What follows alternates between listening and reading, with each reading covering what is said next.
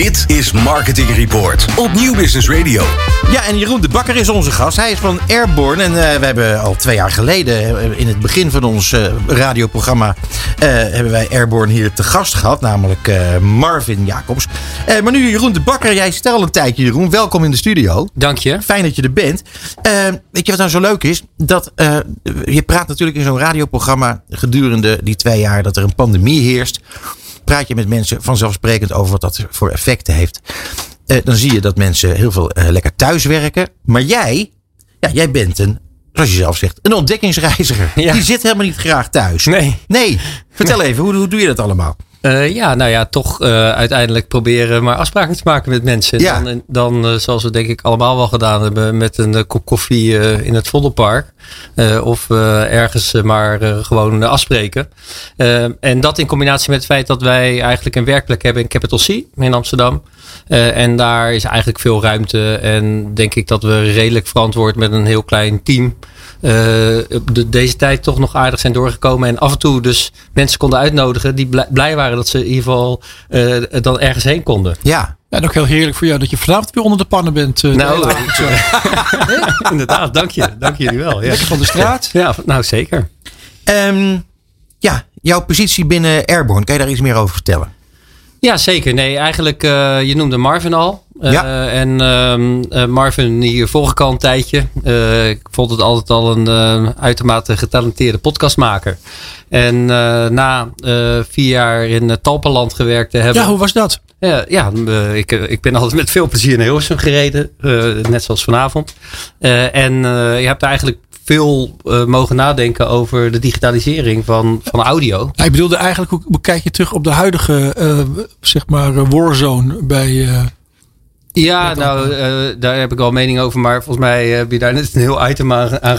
Ja, ik vind het ook helemaal niet gepast. We hebben het nu over Airborne en oh, over Jeroen. Ja, en ik, ik, heb, ik werkte in het radiobedrijf van uh, Talpa. Dus dat is een andere department. Ja. Ik heb overigens ook echt niks met televisie, dat uh, tezijde. maar nee, dus, dus eigenlijk bij, bij Talpa veel tijd besteed aan... ja, wat gebeurt er als ook de radioconsumptie steeds digitaler mhm. wordt. en, en, en dus ook gaat transformeren. Uh, en uh, nou, toen eigenlijk uh, veel kunnen doen daar. en veel nagedacht over wat voor soort content moet je maken. Hoe werkt de distributie van, van content als die radio, als die digitaal wordt. hoe werkt de marketing? Nou, dat allemaal kunnen doen. Ja. en ja, toen maar besloten om samen met Marvin, die ik in die context was tegengekomen, de schouders te zetten onder Airborne. Ja, en, uh, maar goed, jij ging uh, met heel veel mensen ging jij koffie drinken in het Vondelpark. En waar hadden jullie het over? Nou, het afgelopen jaar vooral over wat eigenlijk dan de rol is van, van digitale audio en podcasting om het iets simpeler te ja. maken in de, de, middelen, de middelenmix. Ja, akkoord. Um, ja, en dan uh, is natuurlijk eigenlijk een, een, een vraag die direct daarop volgt. waar staat audio nu, wat jou betreft? Nou, ik, uh, wat ik al zei, uh, of, of misschien geprobeerd heb te zeggen, is eigenlijk is, uh, je hebt eigenlijk je, hebt, je hebt kijken, kopen, lezen, ehm, spelen en luisteren. En dat mhm. zijn eigenlijk de vijf grootste mediaconsumptie buckets. En eigenlijk is luister, de luisterbucket is nog het minst gedigitaliseerd van al die andere. Uh, nou, we weten dat er in Nederland ongeveer 18 miljard luisteruren zijn per jaar. en daarvan is nog steeds 14 miljard lineaire radio. Dus dat is het grootste gedeelte. Hè, dus van de 18 miljard is 14 miljard nog steeds lineair. Uh uh, en 4 miljard is eigenlijk uh, non-lineair, on-demand. dus daar zit YouTube in, daar zit Spotify in. En ik zei vaak in de tijd dat ik voor Talpa werkte, dat de eerste keer dat ik naar Hilversum reed, dacht ik dat niemand in Nederland meer naar, naar de radio luisterde. Ja. Uh, en mensen zeggen al, zeiden al tegen mij van, joh, iedereen luistert ook naar Spotify. Maar dat zit dus in die 4 miljard bucket. En die andere bucket is 14 miljard. Ja dat de verschuiving natuurlijk van die 14 miljard steeds meer richting die 4 miljard gaat, is uh, evident. Uh, sterker nog, de totale luistertijd groeit eigenlijk. Uh, dus dat, dat geeft natuurlijk veel mensen de kans om op een andere manier audio content aan te bieden dan, dan we gewend waren vanuit de, de, de radio. Ja, nou ja, het is natuurlijk verdomde interessant. Uh, omdat je namelijk luisteren naar radio is luisteren naar muziek. En datgene wat je voorgeschoteld krijgt van, door DJ's en, en, en mensen die nieuws uh, verkondigen, et cetera. Als je kijkt naar podcasts, is het eigenlijk een heel ander verhaal. En podcast is op een gegeven moment gekomen, is weer verdwenen. Ja. En is vervolgens teruggekomen om nooit meer weg te gaan. Daar, daar zijn we het allemaal wel zo'n beetje over eens. Grappig is dat het echt. Ik, ik vind podcast luisteren, dat is nou echt audio consumeren, vind ik. Dat is niet iets wat, wat zoals radio vaak uh, op de achtergrond aanstaat. Nee. Wat, wat, wat als behang voorbij kan komen. Maar bij, bij podcast is het een totaal ander verhaal. Dus dat betekent dat die audioconsumptie, die verandert dan toch echt. Nee, zeker. Maar kijk, waar we bij Talpa mee waren begonnen ooit, was het onderzoek doen naar in welke behoeftes voorziet eigenlijk radio. Mhm. Uh, en dan zag je acht grote behoeftes. Dat is onder andere uh, op, op de hoogte zijn, muziek ontdekken, je afsluiten, uh, ontspannen. Uh, dat, dat zijn allemaal verschillende behoeftes. En radio heeft eigenlijk al die behoeftes in een bepaalde verschijningsvorm van een product eigenlijk uh, uh, daarin voorzien bij een grote groep mensen. En nu je ziet dat dat anders kan, zie je dat die behoeftes ook anders ingevuld kunnen worden. Mhm. Hè? Want het klopt dat de grote, het grootste gedeelte van de luistertijd in Nederland is eigenlijk dat, dat mensen naar de radio luisteren als een secundair medium. Ze zijn ondertussen iets anders aan het doen. Ze zijn aan het autorijden of ze zijn aan het werk. Terwijl ja, als je naar een podcast luistert die behoorlijk inhoudelijk is, ja, dan, dan moet je wel natuurlijk goed luisteren, want, want anders uh, volg je het niet. Dus dat voorziet in een informatiebehoefte, bijvoorbeeld. Hè? Ja. Of, um, hè, dus, dus uiteindelijk zie je dat de behoeftes over het algemeen wel hetzelfde blijven, maar doordat de technologie zich on ontwikkelt en doordat er ander soort content komt, gaan mensen ander gedrag vertonen. Uh, en ja, die ontwikkeling is gewoon ingezet. En Ja. uh, technologisch, hè, dus een, een iets on-demand luisteren kon al in 2004. Hè, toen kwam eigenlijk de podcast op.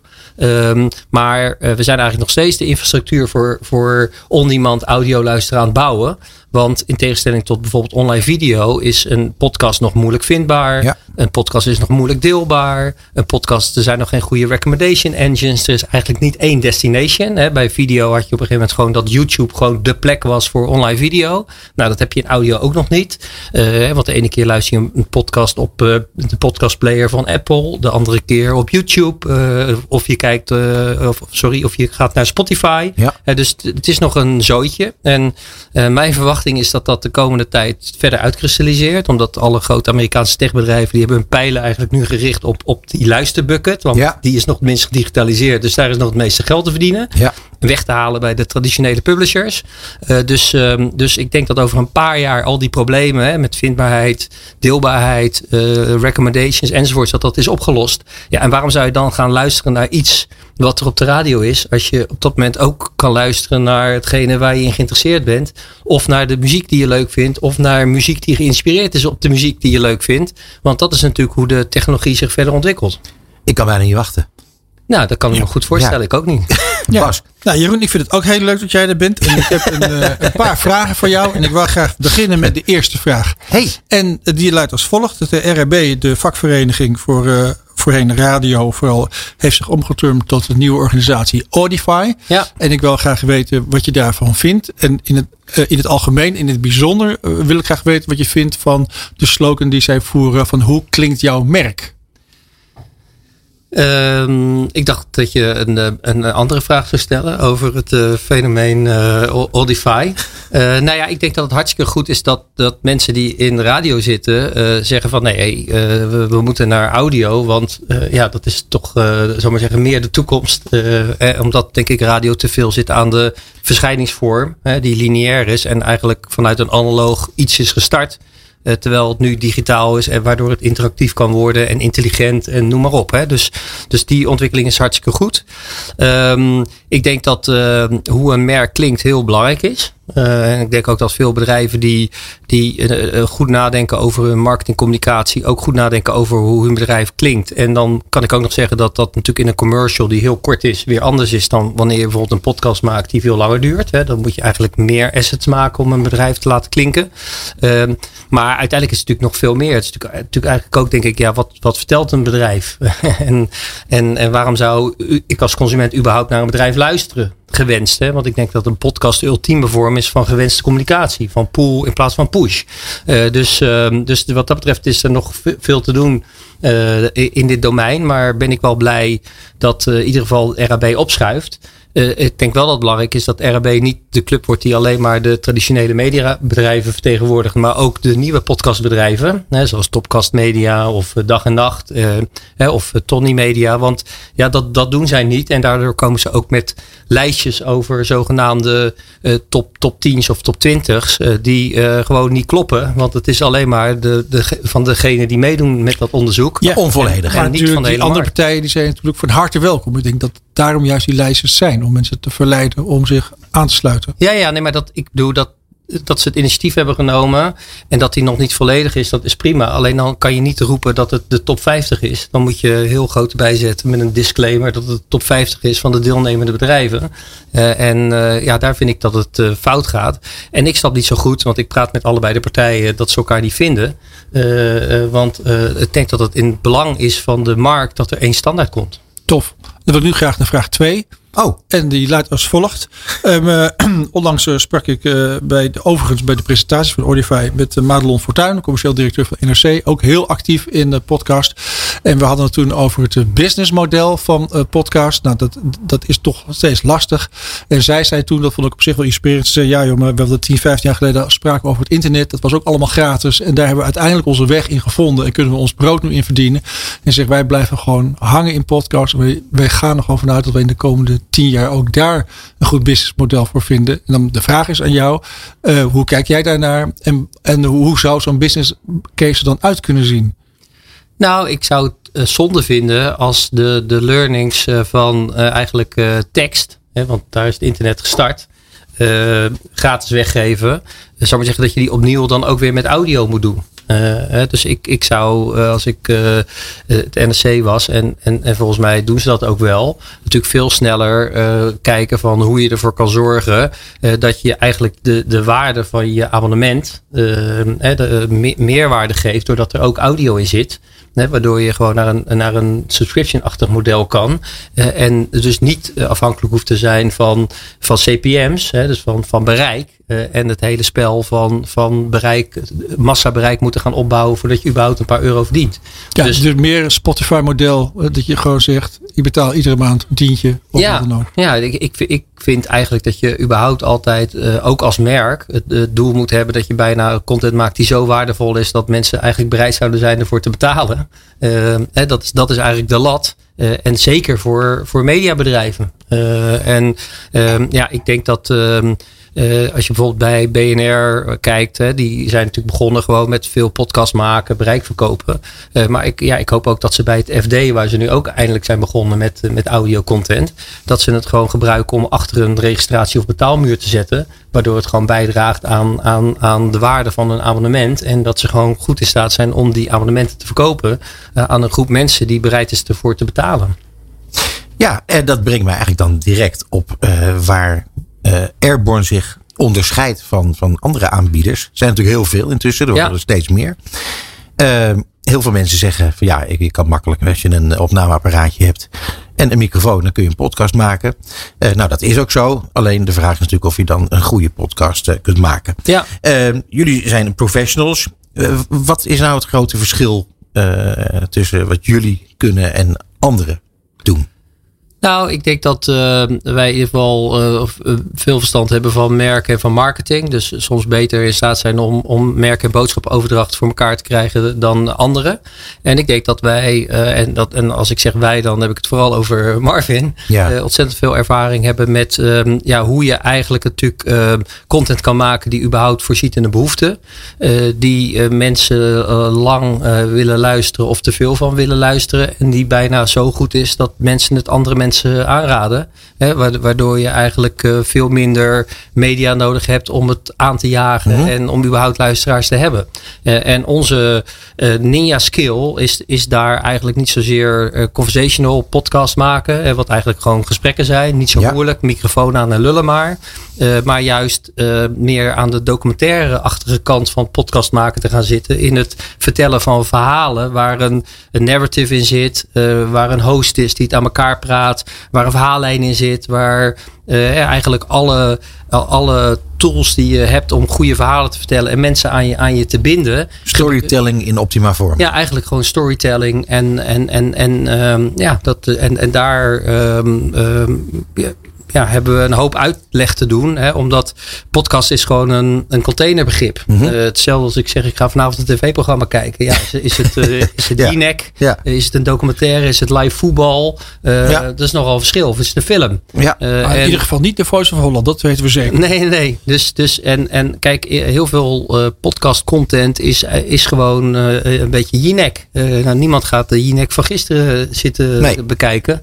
eh, want dat is oud nieuws. Hè? Dus, dus is groot verschil tussen of je dag, week content maakt of tijdloze content. En Mhm. wij geloven gewoon eigenlijk in tijdloze content. eh, omdat eh, je moet ook je bereik met een podcast opbouwen in de longtail. Eh, Ja. hè, we, jullie hebben net eh ANWB te gast gehad. Onze podcast Verborgen Verhalen stond in december weer in de top 15 best beluisterde podcast in Nederland.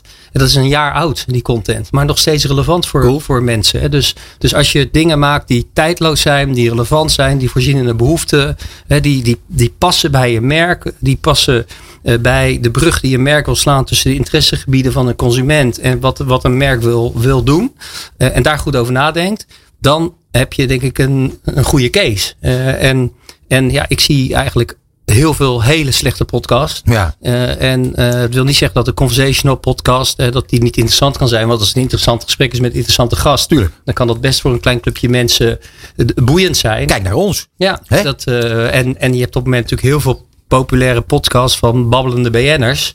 Eh, Ja, Nou, ik denk ja. dat dat heel goed is eh, dat mensen eh, weten wat een podcast is en, en in de categorie komen. Ja. Maar het is over het algemeen natuurlijk gewoon makkelijk gemaakt. Je moet wel bereik hebben, anders kan je het niet verdienen met advertising. Maar ja, ik denk dat de audiowereld ook de videowereld op gaat, kant op gaat. Hè. Dus ga je kijken naar een film op Veronica. en je krijgt 12 minuten reclame voor je kiezen. Eh, voor een film uit eh, 1644. Of start je Netflix eh, en, en je gaat voor kwaliteit. Ja. En eh, ja, wij, wij geloven in kwaliteit. Hey Jeroen, ehm, hebben jullie wel eens potentiële klanten die zich bij jullie aanmelden die zo ontzettend saai zijn eh, dat je daar gewoon geen podcast voor kan maken, dat je die ook weer de deur wijst? En zo ja, welke merken waren dat? Nou, nee, ja. De, de, ik denk dat er altijd eh, een goed verhaal is te verzinnen. ja, echt? Eh, ik denk wel dat het voor, voor low involvement producten eh, die onder in het schap liggen bij, bij Albert Heijn lastiger is dan voor, voor automerken of voor horlogemerken of voor. Die liggen ook altijd boven in het schap. Ja, die liggen ook boven het schap. Dus, dus nee, maar kijk, ik denk, ik denk dat wij kunnen eh, voor elk merk eh, wat een beetje na is gedacht over eh, hoe, hoe ze een, een brug kunnen slaan tussen hun product en de belevingswereld voor de consument, iets, iets maken wat, wat tot de verbeelding spreekt. Jeroen, we zitten, het zit erop. Je weet hoe het werkt met, met radio en, en audio. Dat, dat, dat- is altijd zo leuk en dan is het altijd te kort. Dames en heren, Jeroen de Bakker, dankjewel voor je komst. Ja, dank voor de aandacht, Gijs. Het programma voor marketeers. Dit is Marketing Report. Elke derde dinsdag van de maand van half zeven tot acht. Dit is Marketing Report op Nieuw Business Radio.